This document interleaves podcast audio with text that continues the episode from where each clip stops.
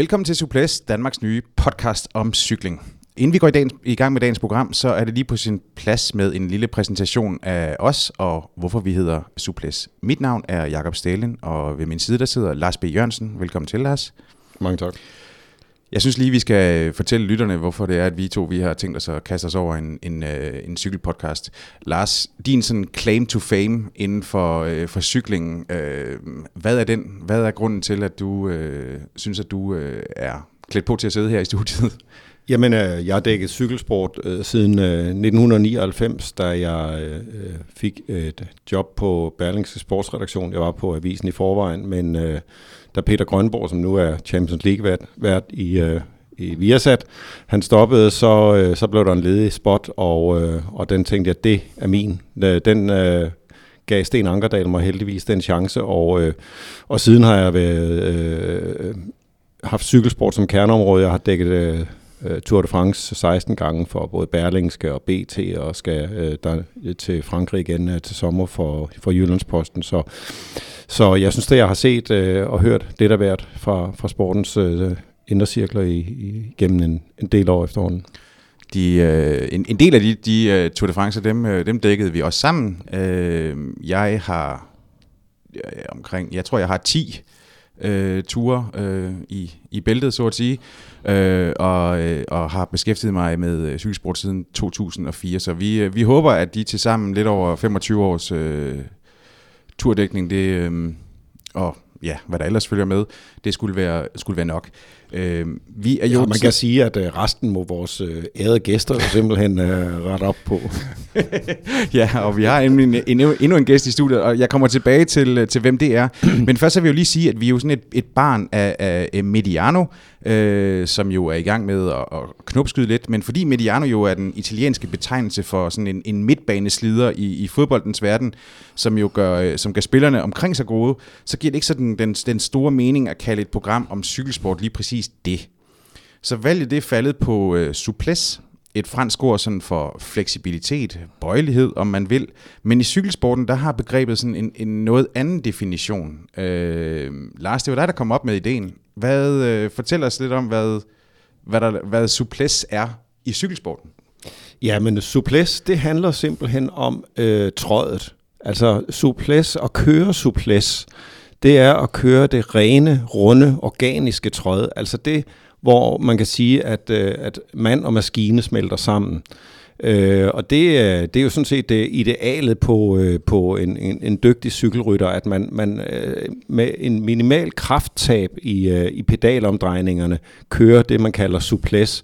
Så det, på en måde er, det, øh, er, det ikke, er der intet hokus pokus ved det, men, øh, men det er sådan set øh, det er ikke alle, der gør det med, med samme øh, ynde og elegance. Øh, og det vil øh, vores øh, gæst sikkert også øh, kunne øh, øh bevidne. Men det er i hvert fald øh, sådan øh, et ideal, man, øh, man eftersøger, det er at køre suples. Godt. Lad os komme i gang. Gæsten er blevet nævnt et par gange. Uh, vi er jo ikke de eneste, der sidder her i studiet, Lars. Uh, vi har nemlig besøg af Thomas Bay, tidligere professionel rytter og mangeårig kommentator på Eurosport. Velkommen til, Thomas. Tak skal du have. Stor ære, at du vil uh, deltage. Uh, Cykelsport og Eurosport uh, har jo længe sådan hørt sammen. Uh, Hvordan, uh, hvordan ser fremtiden ud for, uh, for dig? Får du endnu mere på programmet de, uh, de kommende år, der har været nok at se til? Ja, det er, altså, det er jo næsten sværere at støve flere cykelløb op, end øh, dem, som vi viser. Men altså, det er jo, øh, det er jo øh, et erklæret mål for kanalen i de her år, og har været det i efterhånden en femårig periode. Jeg tror, det er omkring fem år siden, hvor at de fik den lille undertitel, der hedder Home of Cycling. Øhm, og det er et erklæret mål om simpelthen at vise så meget live cykelløb som muligt. Og det gør jo også, at vi kommer ud over, at vi selvfølgelig viser alle de store, så kommer vi jo også langt omkring og får vist en masse cykelløb fra øh, andre kroge af verden, Azerbaijan og alt muligt andet, som jo umiddelbart lyder til, folk tænker, at det er måske ikke øh, det største cykelløb, og det er det heller ikke, men det er faktisk nogle gange der, hvis du spørger mig, hvor vi ser noget af det sjoveste og det bedste cykelløb. Det er de der lidt mindre løb, også når vi taler i de mere almindelige cykellande som Belgien og sådan noget, viser vi også mange af de mindre løb, og det, det er jo en fest, og det er jeg sikker på, at Lars også øh, sådan giver mig ret i, at det er, det er, det er egentlig noget af det sjoveste at opleve. Så ja, masser af cykelløb på U-Sport, også fremover.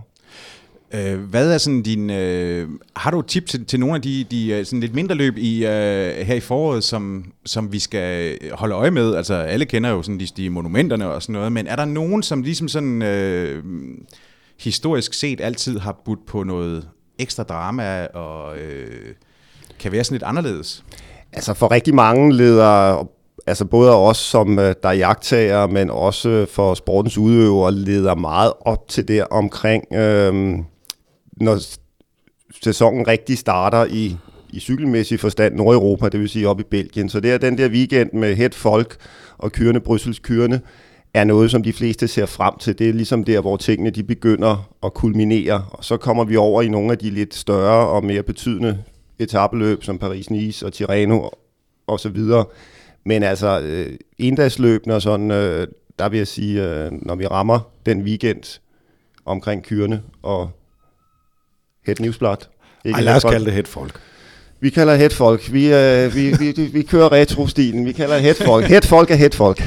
Cykelsporten er jo karakteriseret ved, cykelsporten er jo karakteriseret ved, at ting de kan ændre navn. Altså, det, øh, det, det er ligesom en del af præmissen. Altså, vi kan jo ikke gøre for, at headfolk øh, simpelthen er navngivet af en distru, disruptionsrum, øh, disruptionsramt øh, brang, mediebranche, altså, øh, og, øh, og headfolk er jo opkaldt efter en, en, en, en nu hedengangen avis. Ja. Men øh, vi vil gerne holde fast øh, for, for hipster-emblemat den hipster emblematiske skyld, så vil vi gerne holde fast i... Øh... Ja, og jeg tror da også stadig, at øh, 70 procent af alle cykelfans kommer til at sige, øh, når de taler om Dauphiné, som det bare hedder nu, ja. Le Dauphiné, at de kommer til at nævne den avis, som der oprindeligt havde det, altså Dauphiné Libéré. Lige præcis. Øh, så sådan er det. Ja. Godt. I dag der skal vi en, uh, en tur op i uh, helikopteren. Fokus er på, hvad vi kan forvente os af 2017-sæsonen. Væk er de sidste rester af det hold, som, øh, som Bjarne Ries engang stod i spidsen for. Væk er det sidste rene italienske hold på, på World Touren. Oliedollars fra de øh, rige arabiske kongedømmer er kommet til. Så lad os se på, hvordan styrkeforholdene de så faktisk ser ud i den her sæson. Thomas, jeg vil godt høre dig. Hvordan ser du al- altså øh, udviklingen? Er det, en, er det en styrkelse af cykelsporten, at øh, de her øh, arabiske oliedollars, de er kommet til? Altså en, er det en, sådan en yderligere globalisering, eller er det også et indtryk for et, et, et, øh, udtryk for, at, at øh, i hvert fald cykelsporten på europæisk plan øh, er, er trængt rent økonomisk? Jamen det er det, og jeg har det sådan, øh, jeg har det sådan lidt personligt, sådan lidt, øh, jeg, jeg er sådan lidt splittet, for jeg synes jo det er fint nok, at der opstår nogle arbejdspladser, eller der er nogle arbejdspladser, som der består i denne her vores verden. Men jeg har det også sådan lidt, altså øh, øh, øh, de her nye lande, mellemøstlige lande der, øh, altså det behøver ikke nødvendigvis at være langsigtet. Øh, som det, altså, det, når folk forestiller sig det, så er det jo bare en hane, hvor man åbner for nogle penge, og så flyder de bare, og de bliver ved. Men det ser vi jo nu, at det er det faktisk ikke. Altså, øh, det tur for Katar bliver ikke til noget. Øh, og øh, der var også et hold, øh, jeg ved faktisk ikke, om det eksisterer stadig, men det kørte lige pludselig på halv plus øh, sidste år fra Dubai, som der hedder Skydive, som var rimelig stort. De trak sig lige pludselig midt i en sæson.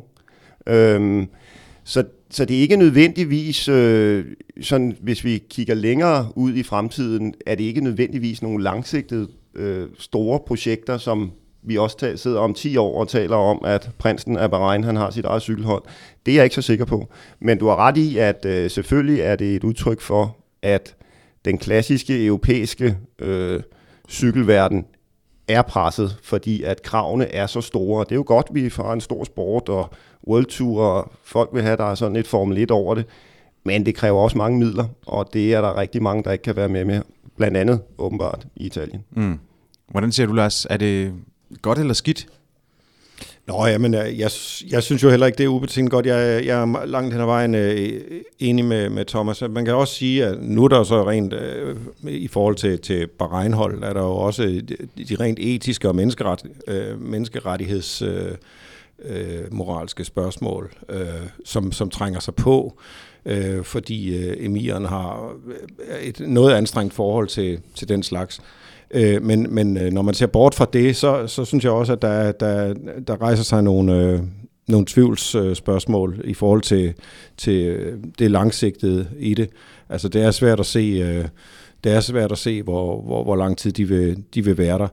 Og øh, men øh, omvendt, så, så, er man jo, så er man jo glad for, at, at hjulene holdes i gang, så at sige, og det, det er svært nok i forvejen at sikre sponsorer i, øh, i, på topniveau. Tilstrækkeligt mange sponsorer i, i professionel cykelsport i, i øjeblikket, så, så øh, det, det, ja, altså øh, nød lærer nøgen kvinder osv. Man kan også se i, i fodboldens verden, hvordan øh, Kina trænger sig på øh, og lokker selv øh, de største stjerner øh, med gigantiske summer. Så, så altså, globaliseringen og, og, og markedet øh, flytter sig jo øh, også hele tiden, og det, det er jo ikke nogen hemmelighed, at øh, gamle hæderkronede cykelnationer som Italien og Spanien er, har været voldsomt presset på, på økonomien. Men lad os se, altså i, i, et, øh, i et marked under forandring, hvem, hvem, hvem står så tilbage som vinder og taber øh, forud for den her øh, sæson? Hvad, hvem, hvem, hvem har styrket sig mest, og hvem, hvem ser mest øh, ramt ud på, øh, på rytterfronten, Thomas? Hvordan ser du... Øh... Nå, men jeg synes jo, øh, altså, hvis vi taler øh, sådan holdene, som de ser ud, så kunne det jo tyde på, at øh, nu taler vi om, at de europæiske lande, mange af dem er måske sådan lidt, øh, sådan lidt svækket, de der klassiske cykellande, men så må vi også sige, at øh, lige syd for grænsen her i Tyskland virker det som om, at, at der er en grøde der. Øh, de har en masse dygtige cykelryttere, nu har de også øh, et rigtig stort hold. Øh, de har faktisk et par stykker med tysk licens, øh, i og med at... Øh, Sunweb-holdet også er tysk registreret, men at øh, den der øh, forskrækkelse og skråstreget boykot fra medierne, som vi havde efter øh, Jan Ulrik og doping og alt det her, at den har lagt sig, og at det igen er blevet en stor folkelig sport i Tyskland, og det, øh, og det giver sig også udtryk i, altså først og fremmest øh, det nye bror, Hans Grohold, mm. er jo øh, nok det, som de fleste lige nævner, når vi taler om, hvem der har styrket sig mest øh, hen over sommeren, i og med, at de selvfølgelig har først og fremmest Sagan, øh, verdensmesteren, som jo var den mest ombejlede herre, sådan, da det ligesom gik op for alle, at Tinkoff valgte at drikke sin vodka et andet sted. ja, præcis. Øh, Lars, ser du også øh, Bore hans skrue som, øh, som vinder i den her øh, Jamen altså det forud for sæsonen, det der, på profilfronten. Det er da meget, det er da meget spændende, at de, at de i den grad uh, har, de har øget øh, både ambitioner og budget, det hænger jo tit sammen. Men øh, det er jo, når man, når man laver den der transformation øh, fra at være sådan et, øh, et relativt øh, beskedent øh, pro-kontinentalhold og så til, til World Tour niveau og, og får det der øh, flow ind af, af en, en absolut verdensstjerne som, øh, som Peter Sagan, så er, er succesen ikke altid givet på forhånd. Jeg synes dog øh, i hvert fald på papiret, at, øh, at holdet ser øh, ganske fornuftigt ud. Øh, jeg har godt nok læst øh, nogle steder, at, man, at, at der, er nogen, der er nogen, der mener, at det ikke i tilstrækkelig grad er bygget op øh, om, omkring Peter Sagan.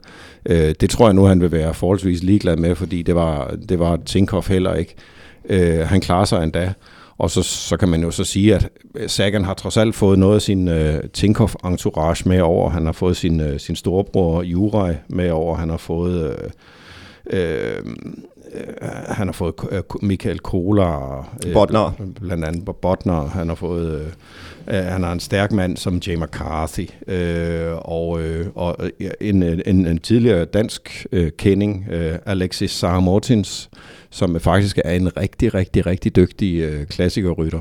Og så mangler du måske endda den vigtigste, Lars, nemlig hvad det, Markus Burkhardt. Ja, jeg skulle lige til at nævne øh, som, øh, som jo også er den her stærke, men jeg er helt enig med Lars, at hvad det Sarmontis, og så hvad det Burkhardt der. Ikke? Og så Jay McCarthy, som øh, Lars nævner, er jo sådan en, hvad skal vi kalde ham, han er jo en Sagan light. Øh, altså han er, det har han sågar vist her fra start af, ikke? At han kører godt opad, han kan spurte, han, altså, han har nogle af de kvaliteter, selvfølgelig ikke i Sagan-klasse, men når han rammer topformen, så er han en fantastisk cykelrytter. Ja, men man kan jo sige, at Sagan han har skabt mange af sine ting på, på egen hånd alligevel. Det er jo det, han kan. Altså, jeg er også enig med Lars i, at jeg er slet ikke sikker på, at uh, Sagan, uh, også når vi taler spurter og sådan noget, vi har jo aldrig set ham med et stort forkromet lead-out. Det er jo ikke hans måde at køre cykelløb på. Han er opportunistisk. I spurterne, der, uh, lad han sine øh, fantastiske øh, fingerspidsgefylde øh, råde om, hvilket hjul han skal have, og hvornår han skal køre forbi, og skal jeg køre indenom, eller skal jeg køre udenom, eller skal jeg køre henover, har vi også set da.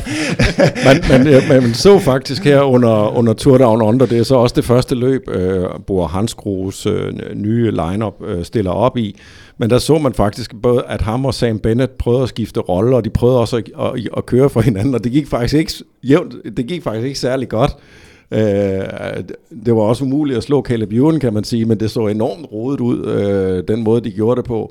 Øh, omvendt så, øh, så var det også, det, det, var, det var igen øh, sådan øh, typisk øh, Peter Sagan, at han, han, han egentlig bare fandt sit eget hjul, og, og det var egentlig lige meget, hvad, hvordan øh, Sam Bennett forsøgte at placere sig, i for, eller Jay McCarthy forsøgte at placere sig i forhold til ham, fordi han fandt sin egen vej. Men, men det var dog en overraskelse, at det så var øh, Bora hans grue, der, der kom til at, at, at løbe med Sagan, som du siger, Thomas, så var han jo den mest ombejlede. Klart nok selvfølgelig, fordi han jo både øh, øh vinder, men jo også, hvad skal man sige, har potentiale til at blive øh, altså en, en, en superstjerne, som sådan, ligesom sådan kan transcendere cykelsporten. Altså, øh, han, har, han har jo alt pakken er stor, så der må jo have været ufattelig mange, som var på jagt efter ham. Og det er vel også overraskende, at det så skulle være Bora hans Grohe, som kunne lande den? Ja, meget. Altså, jeg tror, at de fleste de vil lyve, hvis de siger, at øh, den havde de set komme. Fordi det, det tror jeg simpelthen ikke, som, at der var nogen, der var andet end dem, som vidste, at, at han havde fået et tilbud derfra. Altså, at han overhovedet havde fået et tilbud, var der ikke rigtig nogen, der havde set komme, at øh, det lige var derfra. Og han så valgte det, øh, var en, en kæmpe overraskelse for alle. Og, øh, men altså, og som du siger, altså, det er det er stjernen. Allerede er han jo den, som du, som du siger, han er allerede omdrejningspunktet i cykelsporten. Altså lige meget, hvordan vi vender og drejer det. Altså det er de færreste, egentlig både ryttere, men også øh, alle os, der følger sporten, som har noget dårligt at sige om Peter Sagan. Øh, vi elsker alle sammen den måde, han kører cykelløb på. Og så nogle gange går det galt, men det kan vi også godt lide, at folk fejler, når man øh, sætter tingene ud på spidsen, som han gør. Han havde en lang periode, hvor han altid blev nummer to eller nummer tre, ikke? Og der er nede i Italien begyndt de at være sådan store kritikere af ham med, at han er kørt for tidligt, og dit, når han kørte ikke konservativt nok og alt sådan noget. Mm. Nej, men nu ser vi blomsten i fuld flor, fordi nu har han lige lagt 2% til på i styrke her den sidste halvanden sæson, og nu vinder han bare i stedet for. Ja. Øhm, og det er jo, altså, det er jo, han, er, han er fantastisk at følge, øh, det er han. Så synes jeg også, at han kører nogle, ja, nogle gange kører han nogle fantastiske andenpladser hjem. Jeg kan huske etappen til, til Gap i, i turen for, for halvandet år siden. Ja, præcis. Altså, som jo var fænomenal, den nedkørsel. Altså, ja. øh, selvom at øh, førstepladsen, den, den var langt væk, men, men, øh, men den anden plads, det var nærmest noget af, det var en af de store oplevelser i det års tur, synes jeg er faktisk øh, lige præcis øh, i min verden øh, så, over, for en gang, øh, så oversatte han faktisk på den nedkørsel, så han, så han kørte jo faktisk ikke ind på vores øh, store spanske ven der, øh, Ruben Plaza, øh, Ruben Plaza øh, fordi at han var så opsat på, at han skulle fange, så han faktisk kom igennem nogle sving, hvor han måtte lave nogle, nødopbrem, nogle nødopbremsninger på vej ud af svinget. Ja, nu bliver det meget teknisk. Men så det, han gør faktisk, ikke noget. det gør ikke noget. Så han faktisk mistede fart i mange af svingene, fordi han ville det så meget op ja. at have fat i Ruben Plaza, ikke? og mm. han kører så ganske fornuftigt nedad. Så ja, det, det må ikke, man sige. Så, så, så det kunne han ikke. Nej. Som vi lige sagde, så, så, var, så var Peter Sagan den, øh, et af de, de helt store emner på, øh, på hvad hedder det, øh, på transfermarkedet, fordi øh, Oleg Tinkoff han jo, øh, han jo forsvandt. Øh, Lad os lige prøve at, at, at runde det. Altså, han er jo fortid nu, og dermed også det, øh, det resten af det mandskab, som, som, som Bjarne Ries han engang øh, skabte. Oleg Tinkoff, farverig, ja, men kommer vi overhovedet til at savne den mand i cykelsporten? Lars, hvad siger du? Nej, det synes jeg ikke. Altså, øh, han havde mange penge, men han, og, og, og han var selvfølgelig øh, ekstremt ekstrovert, øh, og på den måde også øh, nogle gange en gave til, til journalister. Men, øh, men hans øh, idéer øh, var ofte ubrugelige. Hans syn på cykelsporten som, øh, som marketingsredskab, øh, hans syn på, øh, hvordan øh, cykelsporten skulle... Øh, øh, hvordan øh, de største ryttere skulle for eksempel køre tre Grand Tours og, og alt sådan noget, var, var enormt forskruet og, og urealistiske simpelthen. Øh, så jeg synes, øh, jeg synes egentlig, at han var ofte til mere skade end gavn, og han var en støjsender, han var i virkeligheden ikke særlig konstruktiv. Han, han postulerede, at vi ændrer cykelsporten øh, og, og ændre den til det bedre. Men jeg synes faktisk, at hans idéer var, ofte var uden hold i virkeligheden, og jeg, hans eftermæle er egentlig mere, at han var sådan en slags uh, Trump-agtig figur. øh, nu ved jeg godt, det, det, det er altså al form for demonisering fører tilbage til, til Donald Trump lige i øjeblikket, men, men det mener, jeg mener faktisk, at uh, Ole Tinkoff var, var en, uh, en, en rigtig skidt uh, Kale. Men han, han påpegede vel nogle, altså nogle, nogle skævheder i cykelsporten, som jo består, altså i forhold til, øh, at, det er de store løbsarrangører, som, som scorer tv-pengene, og at det er, det er svært, altså det er umuligt at få en, en forretning ud af, af at være hold i cykelsporten. Altså man er, man er til, til stadighed afhængig af, af enorme sponsortilførsler. Som, som Thomas også lige siger, så er, det jo, så er det jo en dyr fornøjelse at være med på World Touren, hvor der er løb over hele verden. Øh, de, de argumenter havde han vel ret i, at der er en... Jo, jo men du kan sige, altså, ja, hvis vi bliver sådan lidt i øh, hvad det, Trump-terminologien, så kan man sige, at altså, han har jo måske også nogle pointer med, at USA betaler for meget til NATO, men det forsvinder bare i en masse andet øh, larm og støj og rendyrket idioti. men, men altså... De der pointer er jo noget, som, hvad skal man sige, at de seriøse folk inden for sporten også har påpeget i årvis. Altså, det er jo ikke noget, Tinkoff har fundet på. Han har bare råbt højst omkring ja. det, men på en måde, så, så det var lidt svært at tage seriøst, fordi samtidig så kom der lige nedenunder et tweet om, ja, det ved jeg ikke, vodka og nøgne damer, eller et eller andet.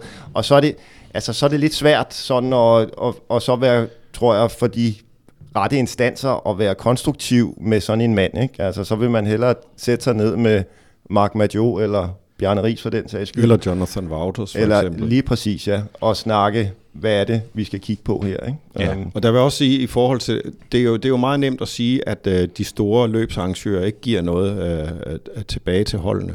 Uh, det er også sandt. Men, uh, men det vil aldrig nogensinde blive sådan, at uh, i, i, for, som man ser det i fodboldens verden, at, uh, at rettighedspengene øh, kan, kan holde cykelsporten gående overhovedet. Altså, der, der er masser af løb, som, som øh, i virkeligheden uh, sælger sig selv gratis mm. til, til, til tv-stationer, alene for, fordi, for man kan sikre eksponering der. Lad os sige, at den store guldkalv hedder Tour de France. Ja, men selvom uh, du så overtalte uh, Christian Prudhomme til at, at give uh, 15% væk, så vil du ikke engang kunne køre, uh, så vil du ikke engang kunne køre uh, Nibalis uh, Bahrein-hold for de, for, de, for de penge, tror jeg. Nej, jamen der, jeg, jeg, jeg er fuldstændig enig med øh, Lars. Jeg, jeg, jeg, jeg tror folk, de... øh, ser det som sådan lidt mere end det er, de der rettighedspenge inden for cykelsporten. Øh, det er ikke bare sådan, ved jeg, nu er jeg jo inden for branchen, at øh, noget af det får man som tv-station smidt i nakken. Man kan oven købet være så heldig at få nogle penge med som tv-station for at vise løbet. Øhm, så, så det er mere de pågældende steder, øh, som vi ser her, øh, turistmyndigheder, der går ind og støtter og alt sådan noget. Ikke? Øhm, så, så lige præcis den del af kagen, tror jeg heller ikke er så stor, som mange rigtig øh, øh, går rundt og tror, den er. Man taler meget om den der Kuksons øh, billedsprog, vores øh, præsident for UCI, der med den her kage, med den skal måske deles anderledes, men den skal også være større kagen. Mm. At det er det vigtigste, at kagen først bliver stor, inden at vi begynder at tale om, hvordan skal vi dele den. Ikke? Ja. Øhm, fordi øh, så stor er den kage ikke lige nu. Nej. Hvor alting er. Oleg Tinkoff, han er, han er fortid, øhm, og, og det betød jo også, at, at holdet blev, øh, blev spredt fra alle vinde. Øhm, Contador, som jo var øh, holdets oprindeligt, inden han blev overhældet af Sagan, kan man vel sige, øh, store stjerne, han fortsætter hos øh, Trek Segafredo. Men er der nogen af jer, der tror på, at vi kommer til at se Contador til at blande sig i, i toppen af, af klassementet i de øh, store Grand Tours? Hvad siger du, Thomas? Øh, ja, i toppen ja, men øh, som vinder der har jeg, øh, altså umiddelbart har jeg svært ved at se ham som vinder af for eksempel Tour de France, som jo bliver hans store mål her i øh, 17. Øh, det er altså, man skal aldrig sige aldrig, men øh, jeg vil bare gerne nævne en to-tre stykker før ham, før jeg nævner Alberto nu. Og sådan er det blevet, og sådan har det været øh, de sidste par år. Og øh, det, er altid, øh, det er altid rart at tage fejl en gang imellem. Men, øh, men jeg tvivler på, at han har det der sidste i sig, som, øh, som han havde på et tidspunkt. Altså, der var han ubetinget og i en overrække verdens bedste etabløbsrytter. Jeg synes, den trone, den har skiftet allerede for et par år siden. Ja, det, det vil jeg også sige. Og man kommer heller ikke udenom, at, øh, at Contador øh, er blevet en, øh, en, i hvert fald i Grand Tour sammenhæng, en, en ældre herre. Øh, hvis han skulle vinde Tour de France øh, til sommer, så bliver han blive øh, den ældste siden øh, Cadel Evans øh, til at vinde Tour de France. Så det er alderen er, er svær at løbe fra, øh, når man er, når man er blevet, blevet de der 4-35 år, øh, som Contador er. Øh, det jeg er ret spændt på i forhold til den her sæson, det er trods alt, at jeg, jeg var egentlig ret glad for, at uh, han landede på Trek Segafredo, selvom jeg ikke havde set det komme. Fordi jeg har ret stor fidus til Luca Guacilena, der er uh, den sportslige leder af holdet. Uh, jeg synes, han er en af de dygtigste, de dygtigste ledere øh, meget god til at, at, at læse øh, rytternes, både deres fysiologiske kunde, men også deres øh, mentale øh, sprækker, hvis man kan sige det sådan. Og øh, et af de steder, han har, har talt om at sætte ind, det er at prøve at få Contador til at slappe mere af. Øh, Contador har altid været lidt af en kontrolfreak. Øh, det var også den øh, styrke, der gjorde, at han kunne sætte sig op mod Lance Armstrong øh, som på, på Astana i en relativt øh, ung alder. Øh, men det var også hans øh, kontrolmani, som gjorde, at han indimellem var stressende øh, og satte sig selv under et, et, en, en, altså en stressfaktor på, på Tinkoff for eksempel. Fordi han vil køre løbende forfra, han vil være der hele tiden, han vil være fremme i skoene, han vil Altså, der er så mange ting, Contador gerne vil. Han vil også gerne angribe enormt meget, men han vil også gerne øh, hele tiden være på forkant. Og jeg ved godt, man skal køre løbende forfra. Men en gang imellem, er det altså rigtig godt øh, at kunne læne sig lidt tilbage i sædet og, og sige, jamen det, det, det ordner de andre, øh, og jeg behøver ikke at være her. Altså det har nogle gange faktisk bragt øh, Contador i problemer, at øh, han har vi, vi, øh, næsten har forivret sig. Så jeg tror, at øh, jeg tror, det vil være rigtig godt for ham, hvis han kan prøve at, at køre det lidt mere tranquillo. Og så kan man vel også sige, at øh, altså den, den, den tidligere chef, han havde, var jo heller ikke en mand, der ligesom sådan prøvede at, at, at, at, at lette presset på ham. Altså, de to havde jo om noget et, et anstrengt forhold, tænker for, og Contador. Jeg ved godt, de prøvede ligesom sådan at, at glatte lidt ud, men jeg kan da huske præsentationen øh, i London dengang, at øh, Oleg Tinkoff han havde købt holdet, og hvor han prøvede at hoppe op på ryggen af Contador, som var som, lignede, altså, som lignede noget, han, han, han, han tænkte, det her, det, det sker ikke for mig. Der står ikke en russer, som har svinet mig til for et halvt år siden, og prøver at hoppe op på ryggen af mig øh, i sådan en, en øh, Ja, det ved jeg ikke. En, øh, en, en underlig jubelscene. Ja, ja, og øh, i øvrigt så kom øh, der også en, øh, en afskedssalut øh, fra Oleg Tinkov, øh, øh, da, da, da deres veje skiltes nu her, øh, som, som bestemt ikke var rar øh, for Contador, hvor han blev øh, øh, kaldt øh, overbetalt igen, og øh, udbrændt og færdig, og jeg har egentlig også kørt lidt på de der, altså, da vi talte Tinkoff før, der glemte vi måske det vigtigste, altså den måde, han er på over for andre mennesker, altså simpelthen hans øh, behandling af andre mennesker, omtale andre mennesker, og det er jo netop også det her, ikke? Altså der var han inde på nogle personlige øh, egenskaber ved Contador, som man ikke brød ja. sig om, med at han var ikke social, og han drak ikke champagne sammen med de andre, og han gad ikke at feste.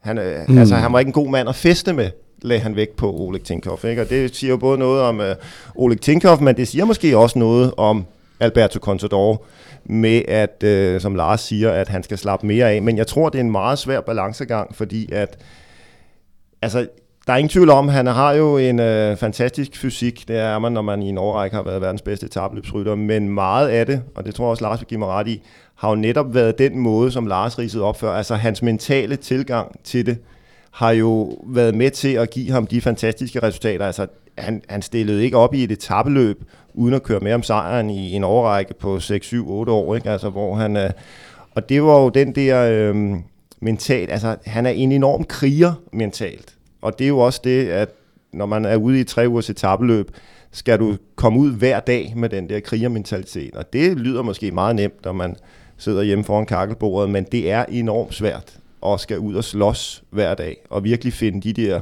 våben frem hver dag. Det er enormt trættende og rent psykisk, og det er han rigtig god til. Og øh, ja, jeg vil faktisk sige, det er helt fantastisk at se en mand, der egentlig er i karrierens øh, efterår, lad os bare sige det sådan, og som egentlig er slået, som han var i Vueltaen sidste år.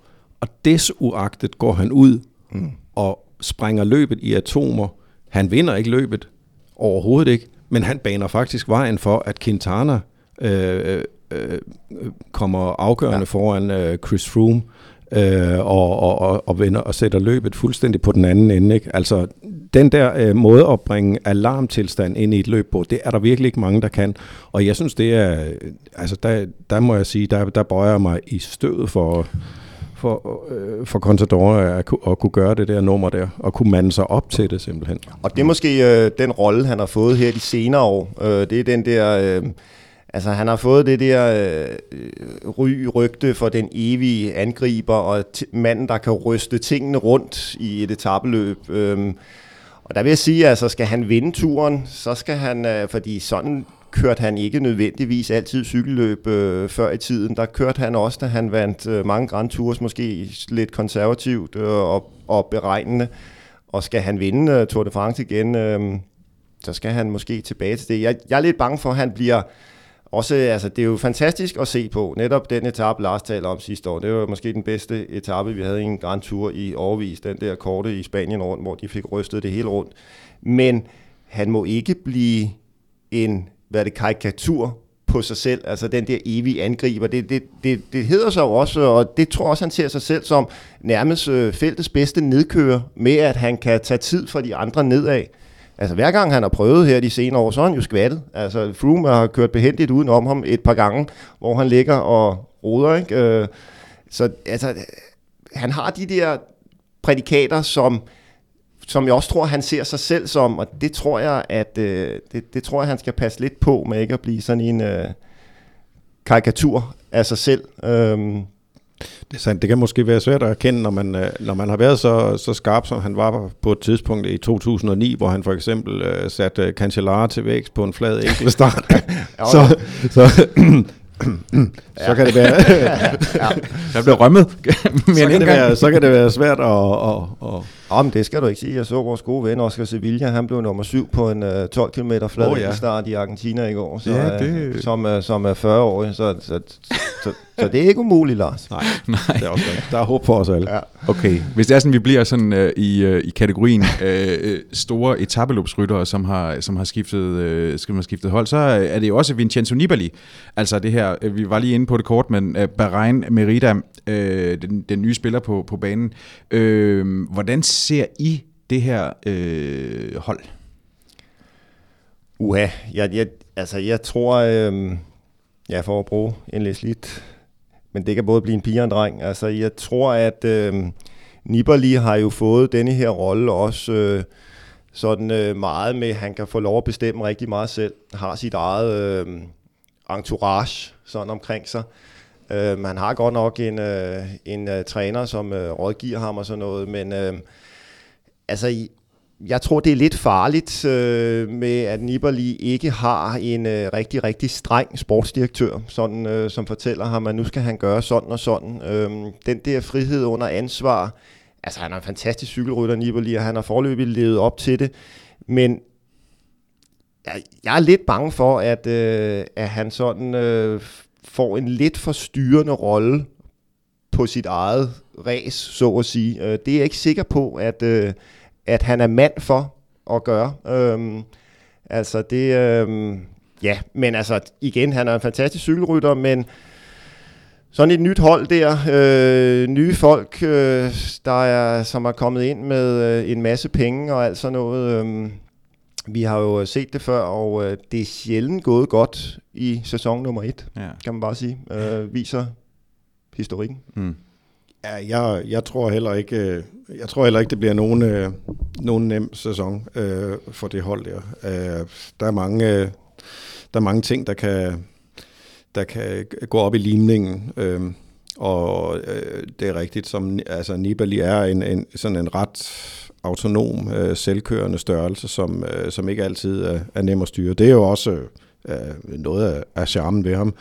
Og øh, der er der en del øh, af, af italienere på hold, af, af, af, af gamle homeboys, hvis man kan kalde dem det, øh, som for eksempel øh, Agnoli, øh, en af, af de tro væbner, der er den tidligere tinkerfrytter Manuel Boaro, og øh, der er ung, øh, en, et ungt navn som øh, Nicolo øh, Bonifacio, hurtig, hurtig fætter, så, så altså, øh, de har da bestemt også øh, en, en god italiensk øh, stamme. Man kan vel næsten med lidt god vilje kalde det et, et halv-italiensk hold i en ja. tid, hvor, hvor der ikke er nogen uh, italienske hold tilbage på, på World Tour. Øh, øh, og øh, altså man kan sagtens tage, tage rytter ud fra hold, som, som, som, ser, som er fine, fine, dygtige cykelryttere. Jeg vil da gerne nævne Ramonas Navadauskas, VM-bronzevinder og vinder og sådan noget, og faktisk en, en et super, super stærk mand. Og faktisk en pågældende enkeltstart i Argentina. I, i, i aftes, ja. ja. Øh, så jo, øh, en mand, som øh, jeg tror øh, har mere i sig, øh, hvis han får lov, øh, og som er, er god for et hold. Men igen, øh, sæson 1 er altid svær. Mm. Nibali han forlod jo øh, Astana-holdet, og, og, og så kan man jo tale om, at øh, den, den ene stød og den andens brød og alt det der. Øh, fordi nu er det jo så øh, Aru i, øh, i Giroen og Vueltaen, og så er det Fuglsang, som får chancen i øh, turen. Øh, men der er altså også lige et mand, der hedder øh, Lopez, Miguel Angel øh, Lopez, øh, en, en, en komet. Hvordan ser du, Thomas, øh, Fuglsangs muligheder i turen? Han, han, bliver, han bliver kaptajn, men når det er sådan, man har Lopez med, som er et, et fund i, i international cykelsport. Han har været professionel i halvandet år, han vandt øh, Schweiz rundt sidste år.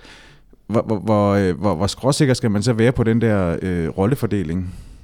Øhm, jamen altså, umiddelbart, øh, så tror jeg, at Jakob kan være rimelig sikker med at få den støtte, som han, øh, som han nu har krav på. Altså, jeg har personligt stor fidus til Jakob, og også med årets projekt i at lave en top 5 på, øh, i øh, hvad det turen. Øhm, men du har ret i, at han har ved sin side, har han øh, sådan en joker, som jeg tror de fleste er enige om, at på et tidspunkt, så holder han sig på cyklen i en hel sæson, og uden at blive syg og alt muligt andet, og så bliver han altså, nå, men altså, så, ja. så bliver han skarp. Han styrtede så, i Vueltaen.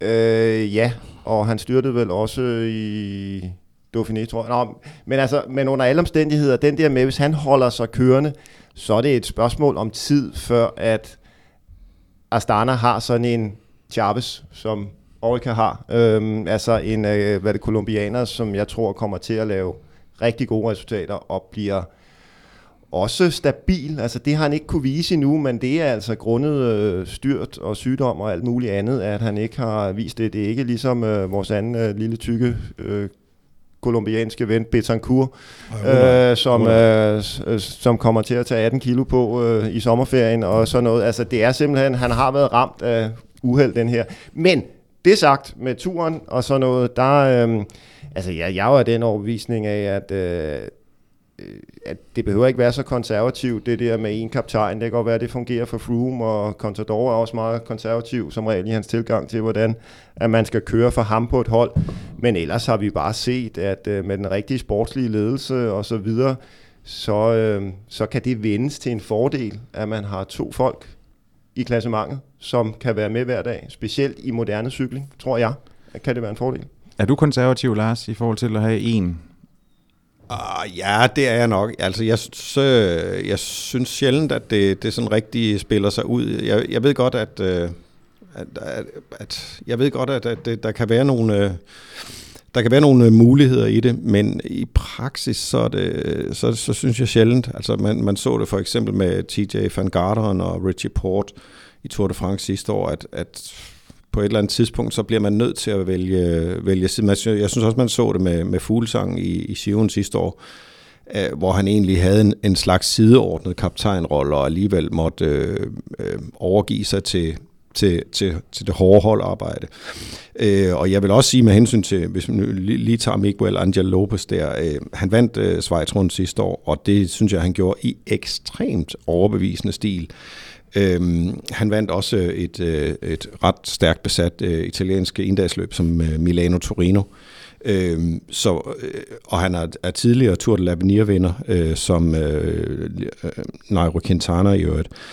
Så vi har at gøre her med en, øh, en diamant. Øh, som øh, bliver umulig at holde nede. Øh, jeg er også ret sikker på, at han havde kørt en rigtig god øh, Vuelta sidste år, hvis, hvis han ikke var styrtet og havde slået øh, halvdelen af overmunden ud.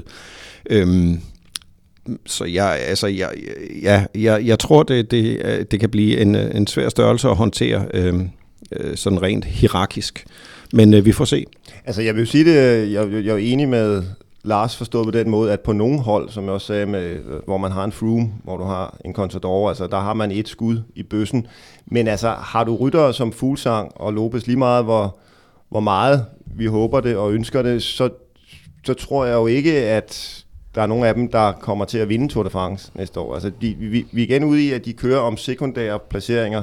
Sådan blev det også øh, på Movistar sidste år og så videre. Øhm, Øh, og der, altså, der ser jeg det, altså, der, der, der kan det kun være en fordel, sådan i, øh, sådan i min verden. Altså, det er jo klart, hvis du har et skud i bøssen, og det vel og mærke gælder om at vinde Tour de France, det gælder den gule trøje, så giver det støj på senderen, at der er flere, som der kan det på samme hold. Mm. Men kører man om femtepladsen og syvendepladsen, og det vil være et tilfredsstillende resultat, så er jeg sikker på, at så, øh, så kan man kun hjælpe hinanden, når man er to. Ja, og så kan man også sige, det er jo, øh, for, for øh, Fuglsang er der jo også den, hvad skal man sige, øh, fremtid, der er det fremtidsperspektiv, at øh, det er, det er sidste sæson, øh, hvor han har kontrakt, så der skal, der skal knokles for, øh, for at lande en ny.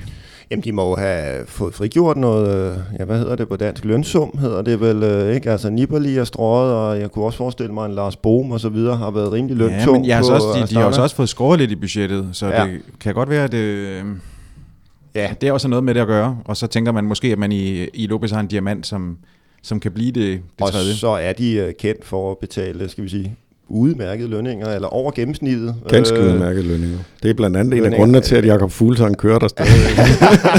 det sagde du, Lars. ja, ja, men, og, så er det, og så er det jo blevet danskerhold. Det er det. Øh, lad, lad os lige runde Valgren. Hvad, øh, hvad tænker I om... Jamen, øh, jeg ser jo, nu talte vi sådan lidt usleben diamant før, øh, hvis vi sådan... Øh, taler Valgren, så ser jeg ham egentlig øh, stadig lidt som det, men det er mere fordi, øh, at det passer meget godt sådan, hvis vi dykker ned i det udtryk, der hedder en usleben diamant, for jeg mener stadig, der kan slibes sådan rent fysisk på Valgren. Så nu taler jeg hans øh, statur og så videre. Øh, Valgren er stadig sådan øh, fysisk øh, det er måske lige hårdt nok at sige øh, valpet, men, han, øh, men øh, der kan godt slibes på denne her diamant. Han er en fantastisk cykelrytter, men, men der kan stadig slibes, hvor at Magnus Kort for eksempel, lige så fantastisk cykelrytter, helt, men han stod bare knivskarp fra dag 1 af. Ikke? Han kom med 13 UCI-sejre, øh, da han blev professionel året inden øh, på kultholdet der. Ikke? Øh, og øh, der mener jeg stadig, at Valgren øh, har, har mere i sig, og har man det, når man bliver nummer to i Amstel og så videre, og hvad han ellers har vist øh, af fantastiske præstationer, hans VM-præstationer, jamen så, øh, så kan det kun blive stort. Mm.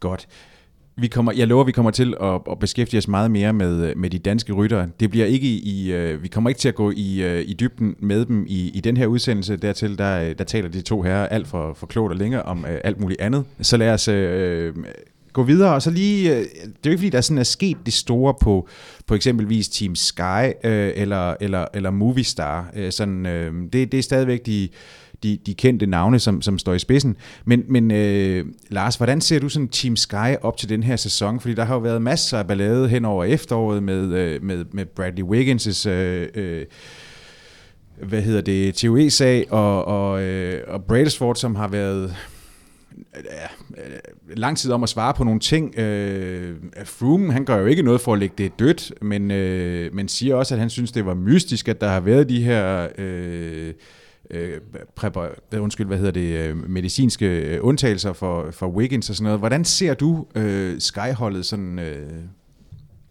Jamen, i den her øh, sæson? Altså, brutotruppen ser jo øh, lige så stærk ud som, så, og, og skræmmende ud, som den altid har gjort. Men der er der ingen tvivl om, at øh, stolen vakler under, under Dave Brailsford. Der har været, han har været til, til parlamentshøring, øh, og det, den engelske antidoping, øh, øh det engelske antidopingagentur har en løbende undersøgelse af, af forholdene på, på Team Sky stadigvæk. Øhm, og i det hele taget er der sået en del af mistillid til, øh, til øh, holdets øh, øh, nul-tolerance øh, politik. Altså, de har jo ikke, det tror jeg godt, man kan, kan sige, de har ikke gjort noget ulovligt i forhold til, til Bradley Wiggins, men de har måske de har måske gået til, til grænsen og længere end, end det, de selv øh, definerede var en, en, en, en grænse øh, i forhold til at bruge øh, for eksempel astma-medicin øh, og den slags. Øh, og det tror jeg er, er noget af det, der, der, der altså det, det vil rumle på en eller anden måde. Øh, hvis Dave Brailsford har været så meget øh, en, en, en hands-on mand i alle øh, organisatoriske geleder på holdet, at, at hvis han forsvinder, og det kan meget vel ske, som jeg ser det, øh, så, er det så, så, øh, så vil det også sende rystelser ind igennem øh, hele truppen. Mm. Hvordan ser du øh, jamen, Skyholdet øh, i den her sæson, Thomas? Jamen igen, øh, altså der er ingen tvivl om, at, øh, at her Brailsford er sådan et, øh, et har været vigtig for holdet, og er det sådan set også stadig, og når man har som hold, og han personligt har svunget sig op, altså det er jo egentlig det, var, var det samme kommet frem om et italiensk hold, øh, at det var sket øh, for fire år siden det her med, at der var kommet en pakke, og at øh, der var en, der havde fået en undtagelse for noget astma-medicin, så havde vi ikke hørt mere om det allerede nu. Men når man har svunget sig op på den der høje moralske gren, som de virkelig har, og så der lige pludselig bliver sådan savet lidt i den, øh, så er det ikke godt. Og det er ikke godt øh, for Brailsford, som jo virkelig har været, som Lars også siger, denne her talsmand for det her. Og, altså, de er jo, i min verden er de jo gået længere end, end det, som de selv definerede som, hvad der er rigtigt og hvad der er forkert. Og mm. det er jo i min verden, det er jo problemet. Altså, jeg, jeg, jeg har det fint nok med, at Wiggins vandt øh, det år Tour de France og alt det der, men jeg ser det jo bare, at øh, nu sådan sparker det tilbage på den der høje moralske standard, som de satte, og vel og mærket også øh, sparket lidt på andre, øh, sådan øh, at vi gør det bedre, og øh, sådan og sådan. Ikke? Øh, det kommer tilbage nu, og det har tingene jo med at gøre, det har det med at vende og komme tilbage på et eller andet tidspunkt. Ikke? Så der er ingen tvivl om, at jeg tror også, at de er rystet. Øh, en ting er ledelsen og sådan noget, men jeg tror, det er et hold øh, med nogle ryttere, som, øh, altså, det, er jo, det her er jo født som et projekt ud af britisk cykling, altså helt øh, fra noget forbundsagtigt, altså fra det britiske cykelforbund, og, øh, og det ryster. Altså, der er også nogle sager om noget øh, sexisme og alt muligt. Øh, også der har ramt forbundet, og de er tæt forbundet, de her fyre, og har arbejdet sammen i øh, 20 år. Så, øh, så de ryster, og det tror jeg, altså, det kan godt være, at Diego Dosa, en af deres nye rytter, ikke sådan ryster i bukserne over det, men de der øh, ærkebritter, altså øh, Dion Thomas, Froome, øh, tror jeg, synes ikke, det er sjovt, det her. Mm-hmm. Nej. Vi får se. Froome han har går selvfølgelig igen efter at, at, at gentage triumfen i, øh, i, i Tour de France. Øh, igen i år vil man jo mene, at det var lige op til, at det skulle være en, en duel med Nairo Quintana fra, fra Movistar. Og så er der jo lige den finte, at, øh, at øh, Quintana han fik trumfet igennem, at han øh, fik lov til at køre en, øh, en Giro først, så han altså skal, skal lave den her Giro Tour øh, som, øh, som sidst var succesrig, øh, da Marco Pantani i 1998 med havregryn og, og, og alt muligt andet indenbords øh, gjorde det. Thomas, hvad tænker du om, om, om, om den? Altså, er det, kan man gå så langt som til at sige, at, at øh, det er fordi Nairo Quintana han stadigvæk er bange for, at man kan slå Froome i en tur, at han ligesom sådan laver en, en art undskyldning. Ikke ved, at han går selvfølgelig efter at vinde i Giroen, mm men at det ligesom også kan være agere forklaring, hvis det var sådan, det ikke skulle gå så godt i turen. Øhm, den er der nok lidt i baghovedet, men jeg tror først og fremmest, at det er et udtryk for, at han har øh, en, øh, sådan en, øh, på det område en herlig romantisk forestilling om cykelsport stadig, Nardo Quintana, og om, at det her, at det kan lade sig gøre. Øhm, han øh, fik skudt lidt i skoene i år, at han ikke mødte klar op til Tour de France, og vi har alle sammen, vi har været nogle stykker, der har undret os over det der løbsprogram med at være hjemme i Colombia, mens de andre ligger og knokler i Schweiz rundt og i Dauphiné, og så stille op i det der lille sydfranske arrangement, der hedder Route de Syd, hvor der er øh, fire dage, hvor der reelt kun er en dag, hvor man øh, som Tour de France potentiel vinder af Tour de France får rørt benene, og det er den dag, man kører op over et bjerg. Øhm, den har vi undret os lidt over, og det har nok taget til efterretning, og så tror jeg, han har en romantisk forestilling om, at øh, det godt kan lade sig gøre det her. Øhm, men nu taler vi om, at på Skyholdet var der lidt uro. Altså, ja, det her er jo også en smule udtryk for, at på Movistar-holdet har der også været lidt uro, fordi når chefen, Onsu, har jo hver gang han har sagt det, han startede allerede sidste år med at sige det med denne her dubbel, der har han jo manet til jorden og sagt nej. Ikke? Mm. Øhm, så der er ingen tvivl om, at han er blevet så stor stjerne nu, Quintana, at han øh, åbenbart har fået sin vilje. Men det er ikke, det er ikke gået glat igennem. Nej, tror nej, og, det, og, og Movistar har jo turen, og så er det jo et uh, spansk hold, så de vil jo gerne have, at han skulle stille op i Vueltaen selvfølgelig. Præcis. Uh, så, så, så der har der også været noget ballade, og, og uh, ja, han har sagt det to gange, uh, Quintana, og anden gang ja. har han så fået, fået lov. Ja, så gik der lige nogle dage, og så blev den så konfirmeret, ja, den er god nok, ikke? Uh, han skal køre Siu og Tur. Ja. Hvordan ser du, hvordan ser du den der uh, romantiske forestilling om, Jamen, jeg elsker sådan set øh, romantik og romantikere, men uh, jeg synes også, man bliver nødt til at være benhård realist, og sporene uh, siden 1998 uh, skræmmer simpelthen i forhold til at lave en Giro-tur dobbelt. It is not gonna work, altså. Og det gør det heller ikke for Nairo Quintana. Og jeg synes, at han skylder uh, at give Tour de France et, et, et helhjertet skud. Øh, Øh, man kan så sige, at, at, at øh, en anden grund til, eller det var i hvert fald en angivelig forklaring på øh, hans problemer sidste år, var jo, at han øh, fik noget øh, mm, allergi øh, i Frankrig. Øh, og, øh, og hvis man skal give ham et tvivlens nådesgave der, så, så, så, kan det jo, så kan det jo sagtens være, at, at, at det har også er med til at, at holde ham lidt væk fra, fra løbet. Men jeg, jeg synes, øh, altså tiden går, og, og ja, han skal, han skal sørge, med, øh, sørge for at, at vinde Tour de France, og ikke øh, sørge for at sætte flere Vuelta-sejre og flere Giro-sejre ind på kontoen. Han skal gå efter at vinde Tour de France. Øhm, og, og, og, og, og være den uh, modpol, uh, den mest seriøse modpol til, uh, til Chris Froome, uh, vi har. Uh, og det ærger mig, at, uh, at vi ikke får den konfrontation. Mm.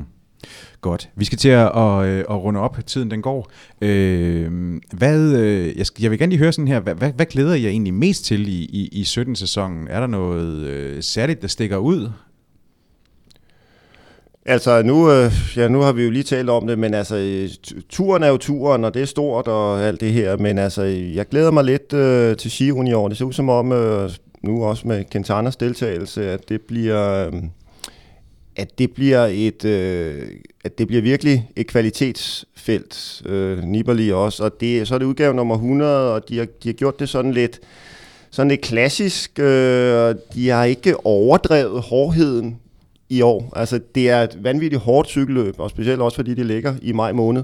Men øh, jeg glæder mig rigtig meget til øh, Sion. Øh, der tror jeg, at vi kan få, øh, få et fantastisk opgør om klassementet. Jeg tror ikke, der er nogen, der vil skille sig ud. Igen, jeg tror, Quintana måske også igen lidt romantisk forestilling om, at han kan vinde Giroen på 90% af sin ydeevne. Det kan han ikke. Mm. Men øh, jeg tror, det bliver tæt, og jeg tror, vi får et godt cykelløb. Jeg glæder mig altid til øh, forårsklassikerne i Belgien og Nordeuropa. Øh, mit blod, det bruser fra het folker frem øh, i godt og vel en måneds tid.